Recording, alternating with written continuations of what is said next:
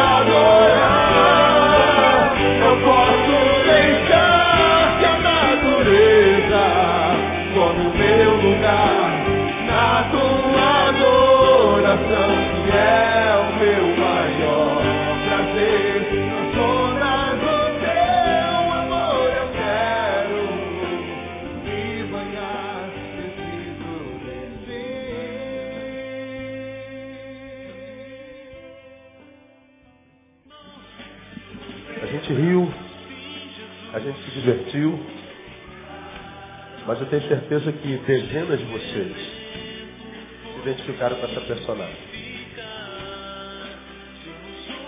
Essa peça é uma mensagem da palavra, a busca. Deus nunca prega sem que tenha trazido alguém para ouvir. Gente vazia, sem sentido, vivendo de aparência, buscando respostas, buscando entender, buscando se preencher, não consegue. Gente infeliz. E eles estavam aqui ministrando e eu estava me lembrando da crucificação. Jesus estava no meio de dois malfeitores, diz Lucas capítulo 23, você se lembra disso? Um abre a boca e diz, de que ele diz, zombaria. Tu não és Cristo, tu não és Deus. Salva-te a ti mesmo e salva-nos a nós também. E Jesus não respondeu palavra. Ele não reage à zombaria. Mas do outro lado havia um outro malfeitor. Aqui. E abriu a boca também. E ele abre a boca e fala com outro malfeitor primeiro. O cara, você não se enxerga? Nós estamos aqui olhando o que os nossos próprios peitos, feitos fizeram. Nós estamos aqui merecemos estar aqui porque nós plantamos isso que nós estamos fazendo aqui, mas esse cara que mal fez. Eu trabalhei para estar aqui, você trabalhou para estar aqui, mas ele, que mal ele fez para estar aqui? E aí então, esse malfeitor se esquece do outro malfeitor, olha para Jesus e diz, Senhor, lembra-te de mim quando entrares no teu reino. Surpreendente é a palavra de Jesus para esse malfeitor. Aí Jesus se manifesta. Ele não se manifesta na vida de qualquer um. Isso é que é o desespero da humanidade, né? Alguns estão atrás dele na religião, na- na- nas obras, um monte de coisas, e ele não se manifesta. O silêncio de Deus é assustador, é ensurdecedor, é enlouquecedor. Buscar, buscar, buscar, a gente ouve que ele é amor, ele não fala, ele não se manifesta, ele não dá sinal de vida, isso é terrível. Mas com o malfeitor ele se manifestou. Lembra-te de mim quando entrares no teu reino. Aí Jesus fala uma coisa tremenda, você já me ouviu ministrar sobre isso aqui. O que, que ele falou, você se lembra? Na verdade, na verdade te digo. O que, que ele disse? Ainda hoje estarás comigo aonde? No paraíso. Quando? Ainda hoje estarás comigo aonde? No paraíso. Agora olha, olha que incongruência. O cara olha para si e fala assim, eu estou aqui porque eu mereço. Eu cometi crimes, barbaridades. Plantei o que eu estou colhendo. Eu mereço essa morte de cruz. Fui condenado à morte porque eu não vivi. Eu estou vivendo a pior morte porque eu vivi a pior vida. Então, esse cara estava morrendo porque se reconhecia criminoso. Mas ele, criminoso, pede a Jesus para se lembrar dele e Jesus se manifesta. Não, não, você vai estar comigo ainda hoje no paraíso. Como, cara? Como? Pense logicamente. Por que, que esse cara foi alvo da manifestação de Jesus? E como que esse cara conseguiu entrar no paraíso? Como? Porque contraria tudo no que a gente crê. Nós estamos aqui. Porque alguns de nós acreditamos que a gente precisa ter uma religião, como nós vimos aqui. Agora, você acredita que esse malfeitor era religioso? Ele era crente? Dessa igreja aqui do pastor do, do Reteté? Você acredita que esse cara era católico? Era macumbeiro?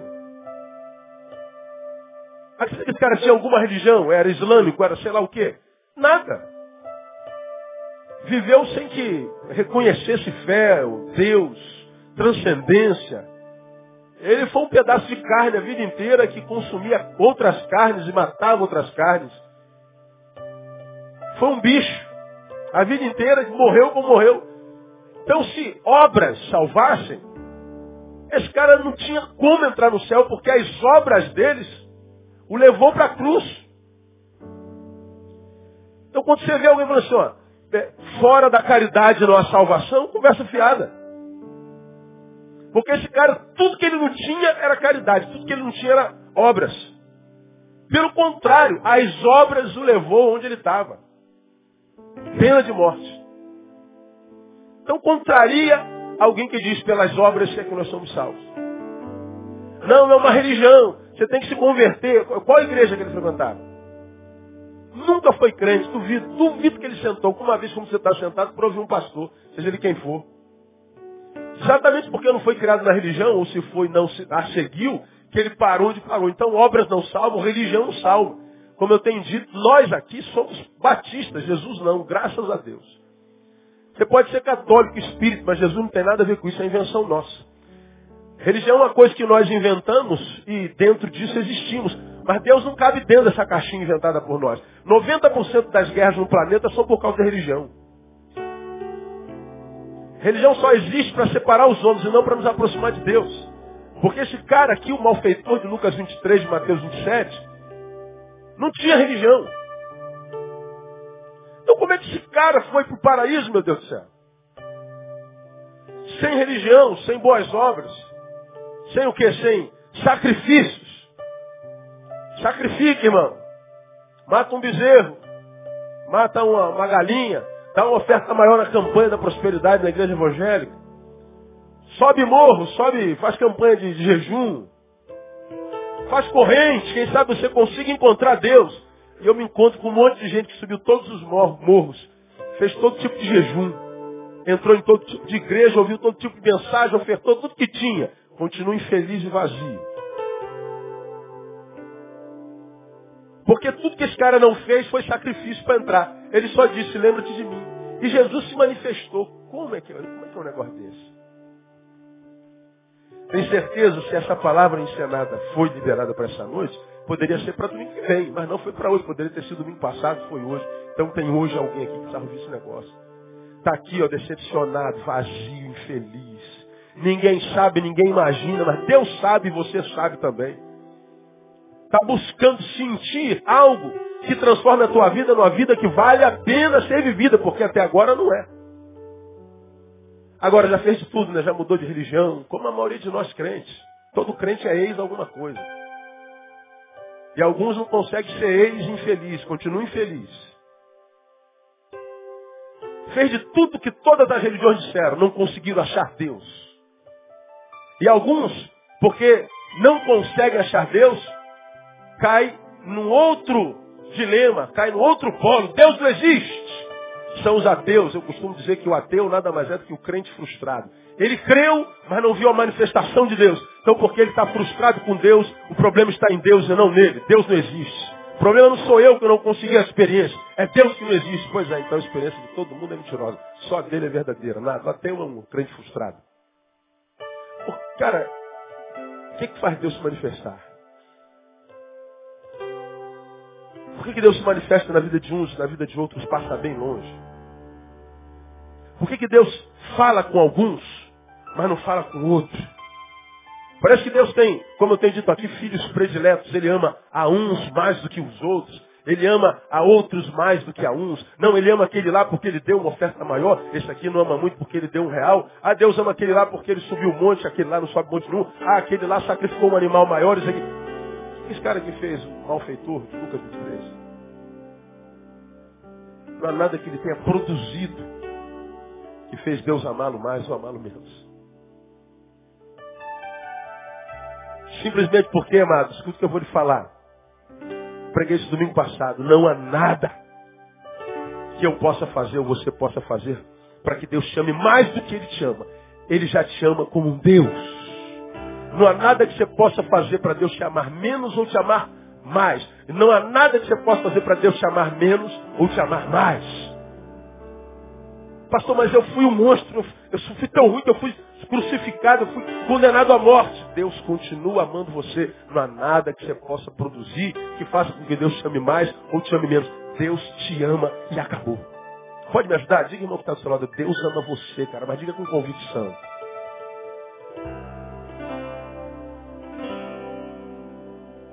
Mas por que, ele não se manifesta a mim? De repente está faltando alguma coisa. O que está faltando, pastor? Pelo amor de Deus, diga logo. Bom, aí eu leria um versículo. Não se abre não. Que vem de Jeremias capítulo 29. Texto sobre o qual eu já preguei 200 vezes. Quase que sem hipérbole. Que é uma palavra da sabedoria mas que é uma sabedoria que a gente pode falar como sendo Deus e o Messias, porque ele disse que ele era o Logos, ele era o Verbo, ele era o saber. E o texto está dizendo o seguinte, então me invocareis, ireis e orareis a mim, eu vos ouvirei.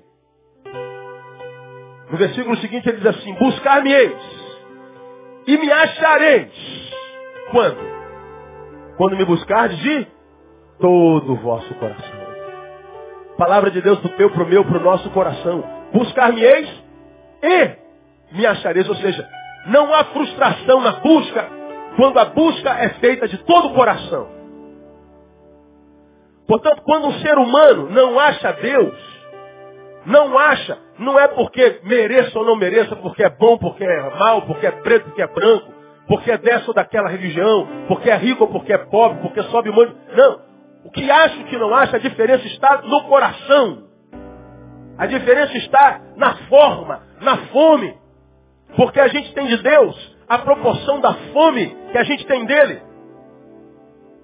Eu não sei que, se você já jantou hoje ou não. Imaginemos que você não, não tenha jantado sei lá, veio do trabalho correndo, nem almoçou, você almoçou e não queria perder nenhuma vírgula do culto, então você saiu da, do centro da cidade às, às, às 3 horas da tarde, veio correndo, pegou engarrafamento, deu para comer nada, começou o culto às 18, está aqui até agora, são, são 19h58, você está morrendo de fome. Imagine que depois do culto tem a janta, e a gente vai servir a janta. Quanto que você vai comer? Quanto que você vai botar no prato? Ô pastor, se eu me conheço, só Jesus. Não é? Vai comer uma montanha. Agora imagine que você chegou atrasado porque estava vendo o restante do jogo do seu time, enquanto isso você estava comendo churrascado danada lá, e veio, chegou na igreja agora às 19 horas, acabou de jantar, vai sentar na mesma mesa, quanto que você vai comer? Muito pouco ou quase nada. Porque nós nos alimentamos à proporção da fome que temos. Deus é o pão. Eu sou o pão de Jesus. E o pão, cada um de nós tem a proporção da fome que nós temos dele. Esse bandido do lado de cá zomba de Jesus, sem reconhecê-lo como Deus e sem se enxergar. Porque ao invés dele olhar para a sua própria produção, fica olhando para a produção de Jesus e julga. Esse aqui não. Esse aqui disse uma coisa que muitos de nós não têm coragem de dizer. Eu estou aqui porque eu mereço. Meu problema sou eu. O meu presente é a consequência do meu passado. Isso aqui que eu estou vivendo, ainda que seja essa desgraça, é a consequência do que eu plantei ontem ou do que eu deixei de plantar. Esse camarada aqui do lado esquerdo da cruz está dizendo, eu não estou culpando Jesus, a mãe, o passado, o capeta, o diabo. Eu sou meu problema. Jesus, eu estou aqui, não foi porque tu me abandonaste, não. Eu estou aqui porque eu plantei esse negócio. Quando esse ladrão reconhece o seu pecado, ele está dizendo, eu me enxergo. Quem se enxerga só pode dizer, ai de mim mesmo. Porque nós não somos isso tudo que muitas vezes fingimos ser. Você não é isso tudo que pensa ser o que os outros pensam que você seja. Eu não sou isso tudo que os outros imaginam que eu seja. Nós sabemos que não somos. Nós sabemos que não somos perfeitos. Sabemos o quanto somos capazes de produzir mal, de pensar mal, de desejar mal. Ou de não fazer bem quando poderíamos ter feito. Porque à luz do Evangelho, pecado ou mal não é só a comissão do mal, é a ausência da comissão do bem. Aquele que sabe fazer o bem e não faz, o que, que diz a palavra? Diga. Peca. Então eu não estou em pecado só quando eu fiz mal para alguém. Eu estou no mesmo pecado quando deixei de fazer bem para alguém que eu poderia ter feito. Quantas vezes você deixou de dar uma palavra para quem você poderia ter dado? Quantas vezes você deixou de estender a mão para alguém que, quem sabe, no passado deixou de te estender a mão? Portanto, você que fez a mesma coisa que ele fez contigo no passado, se transformou na sua imagem e semelhança. As mesmas obras. Agora, esse ladrão aqui, ele podia ser um ladrão terrível, mas o cara tinha uma coisa de boa que Jesus não rejeita. Ele se enxergava. O cara era macho. O problema sou eu. Sei, irmão, sou profissional da humana, você sabe bem disso. Eu sei o quanto a ausência do amor do pai pode deformar a gente. Eu sei o quanto a ausência do abraço da mãe pode deformar a gente. Eu sei o quanto um divórcio pode deformar a gente. Eu sei o quanto o passado pode me traumatizar. É verdade, eu sei disso. Mas eu também sei o quanto eu, em querendo e com a ajuda de Deus, posso transtor é, deve, é, dar, dar a volta por tudo isso, dar a volta por cima e me pôr de pé. Eu sei o quanto a ausência do amor de alguém pode me transformar num homem frio, mas eu sei o quanto na presença de Deus essa frieza pode fenecer e eu posso ser todo quente de novo com o amor de Deus no nome de Jesus. Eu sei o quanto o diabo pode me fazer mal, mas eu sei o quanto Deus pode me fazer bem. Agora, quando é que Deus faz? Quando eu me enxergo. Quando eu me recuso a viver uma vida de aparência. Quando eu me recuso a viver uma vida do portão para fora e uma vida do portão para dentro. Essa desconexão existencial entre o que eu pareço ser e o que sou de fato. Enquanto muitos de nós quisermos o aplauso dos homens tão somente, tudo que teremos é dos homens o aplauso. Mas nunca de Deus. Esse homem aqui está dizendo, Senhor, eu não estou aqui para vender imagem. Eu sou essa porcaria que eu sou. Logo depois que ele diz, eu me enxergo, Deus, lembra-se de mim quando eu trago no terreno. Jesus diz assim, porque você se enxerga. A minha obra já começou no teu coração. Porque quando eu começo a obra na vida de alguém, esse alguém, toda vez que olha, não olha como juízo, como teu ex-amigo, mas olha com juízo sobre si mesmo. Porque ninguém é melhor do que ninguém. E aí vem Jeremias e diz, buscar-me-eis, diz o Senhor pela boca de Jeremias, buscar-me-eis e me achareis quando buscar de todo o vosso coração. Quem busca o Senhor com fome, acha aquele que é o pão da vida. E aí, minha igreja, você me permita, Deus trouxe alguém aqui pela primeira vez para ouvir isso, ou pela segunda vez, que nunca ouviu isso, que você já ouviu mil vezes.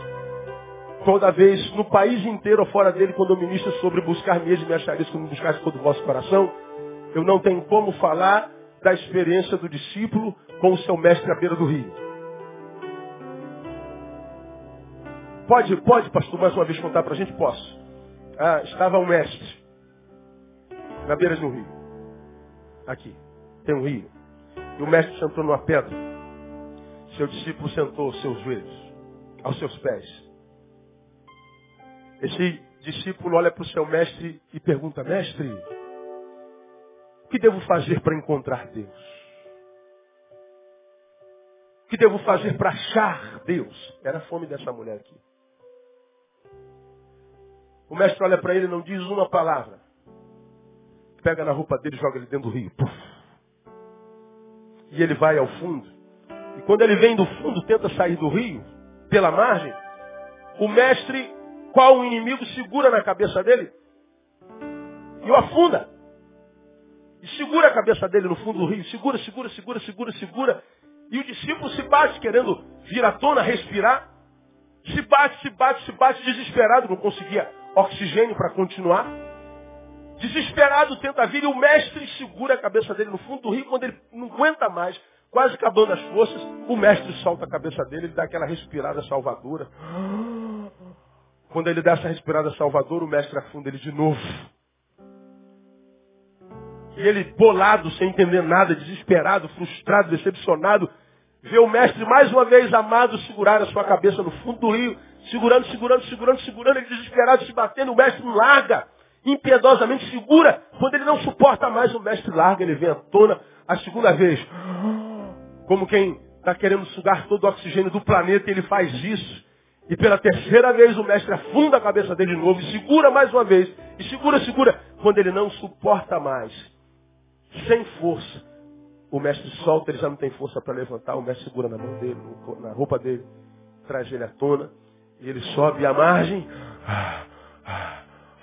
desesperado, ofegante, decepcionado, frustrado, sem entender nada, com um pouco de ar que ele conseguiu recuperar, ele olha para o mestre com decepção e diz, mestre, tu quase me mata, simplesmente porque eu te perguntei como eu posso encontrar Deus. Quando então o mestre olha para ele, abre a boca e diz, meu filho, tu só encontrarás Deus quando desejá-lo tanto quanto desejou o ar para respirar agora. Se você não desejar dessa forma, você não encontra Deus. Me encontrado, nossa igreja isso aí. Hoje a igreja está vazia. Está sempre lotada de gente. Ninguém vem aqui por outra coisa senão para achar Deus. Você pode ir em qualquer centro, em qualquer sinagoga, em qualquer esquina. As pessoas estão atrás de Deus, buscando Deus, buscando paz, buscando sentido para a vida, atrás da religião. E ficam frustrados em todas as religiões, porque Deus não quer saber de religião, Deus quer saber como é que está teu coração, qual é o tamanho da tua fome, o quanto você quer Ele mesmo. Se é que você o quer, quem sabe você não quer de fato só o que Ele pode te dar. Essa mulher buscava Deus em tantos lugares. Deus que nos ama com amor eterno, porque nos trata como pai e não como empregados, estava do lado dela numa figura simples, ilustrada pelo Gari. Muitas vezes Deus está do nosso lado, sentado numa, numa cadeira da universidade, sentado dentro do elevador, levando a gente para cima e para baixo. Quem sabe da faxineira do nosso escritório, que a gente nem dá bom dia. Quem sabe aquela criança que toda vez que a gente sai de manhã cedo, ela está naquele portão sentado e a gente não dá nem um sorriso. Quem sabe um amigo, sei lá da onde, da academia, um amigo, um amigo da rua, é, alguém com quem a gente se encontra. E esse alguém começa a ministrar no nosso coração e a gente percebe que ali tem mais do que alguém. Tem alguém com alguém no lombo. Esse alguém no lombo pode ser Jesus. Ele trouxe você aqui hoje para dizer assim, filho, eu sei que você está me buscando. Eu sei a vida que você está vivendo, eu conheço você. Eu sei das tuas buscas, das tuas procuras, eu sei dos teus desesperos, eu sei das tuas insônias, eu sei das tuas lágrimas. Eu sei tudo a teu respeito. E eu sou teu pai e quero abençoar você hoje. Eu quero que hoje seja o primeiro dia do resto da sua vida. E que esse primeiro dia do resto da sua vida seja um, um resto de vida na minha presença. Porque você sabe porque está como está e chegou onde está, como é viver sem mim. Eu posso te afirmar que muito mais desesperado para te abençoar está Deus do que você para ser abençoado por Ele. Porque se você não tem prazer na vida que vive, você acha que Deus tem prazer? Para a gente terminar, enquanto o Ministério de Louvor sobe aqui, nós vamos cantar uma canção, quero orar com você. Imagina, Deus é amor. De um amor tão grande que mandou Jesus para morrer na cruz do Calvário por você. Jesus disse, eu vim para que vocês tenham vida. Então o projeto de Deus desde sempre é vida. E eu vim para que vocês tenham vida e vida com abundância. Abundância no Evangelho não é ter muito, é ter sempre. Abundância para Deus é ter todo dia. o necessário para aquele dia. Então o que Deus está dizendo para mim, para você, Neil? Dorme em paz. Porque amanhã quando você acordar, o meu projeto para você já vai estar escrito. Fica tranquilo. E ele diz assim, que Deus abençoe os seus amados enquanto dorme. Por isso que quando o diabo trabalha na vida de alguns, a primeira coisa que ele mexe é no sono. Porque a gente dorme. Porque a gente sabe que o script da vida já está sendo escrito por Deus, pelo autor e o consumador da nossa fé. O autor e consumador da nossa vida, da nossa existência. A gente dorme, porque sabe que da mesma forma como ele sustentou hoje, amanhã ele vai sustentar. Então não preciso me preocupar com depois da manhã. Eu não preciso me preocupar se vai faltar daqui a 10 anos, daqui a dois meses. Vai chegar a tua mão o que você precisa no nome de Jesus. A palavra diz, aquele que começou em vós a excelente obra é fiel para completar. Vai acontecer no nome de Jesus. Dá uma caducada no tempo, não vai acontecer, fica tranquilo. Ele sabe o que você está fazendo. Ele sabe. Vai acontecer. Ele está aqui nessa noite. Trouxe você aqui nessa noite. No meio dessa multidão. Ele sabe o que, é que você está vivendo. Eu não faço a menor ideia. Nem tem interesse, se for o caso. Saber da sua vida não muda a minha. E nem a sua. Agora, Deus sabe o que você está vivendo. Deus está dizendo, você pode ser mais do que essa aparência. Você pode ser mais do que essa imagem. Eu vim para que você tenha a vida de Jesus, vida no íntimo, na essência. Você vai dormir e vai acordar. E vai dizer, dormi e acordei porque o Senhor me sustentou. Você vai andar como Paulo, agora eu sei que eu posso todas as coisas daquele que me fortalece. Eu posso ser mais do que uma imagem, mais do que alguém que deseja um tapinha nas costas. Eu posso andar sem tapinha nas costas, porque eu tenho Deus e quem tem Deus tem tudo que precisa. Então, eu queria orar com você para quem foi essa, essa mensagem. Eu quero encontrar Deus.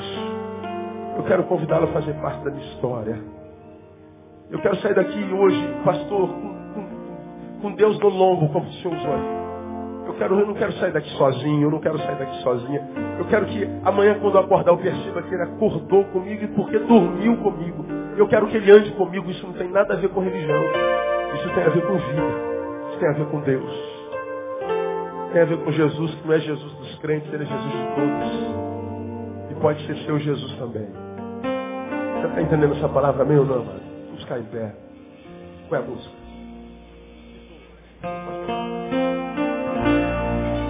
Tudo que tem, tudo que sou. Pois é, como canto de novo essa canção. Pastor, essa palavra foi para mim, eu quero me entregar a Jesus hoje. Eu quero, eu quero eu quero achá-lo nessa noite, quero mais, quero que ele me ache. Quero orar com você, quero convidar você a sair do seu lugar. Vir até aqui onde eu estou. Eu quero orar ministrar sobre a sua vida junto com você. Pastor, eu tenho vergonha, o problema é seu. Deus está aqui hoje te dando a oportunidade. Está gerando fé no teu coração. E o primeiro fruto da fé que ele planta é vencer a sua timidez, seu preconceito, sua soberba, seu medo, seu temor, sua imagem e atravessar essa multidão e chegar até aqui. Já tem gente aqui na frente. Porque Ele quer mudar a tua essência, não só a tua aparência. A aparência não é nada. Ele quer mudar você. Não me canso de te buscar. Ele não quer nada que é teu. O teu sangue. Não há nada que você tenha que não tenha ele que dá. Tu me guardas a todo instante braços abençoados. Abre Tua graça não tem fim. Não tenha medo, ele não quer nada que seja teu. És dono de tudo que há Ele quer teu coração. Tudo que sou, tudo que tenho, o ar que eu respiro a todo momento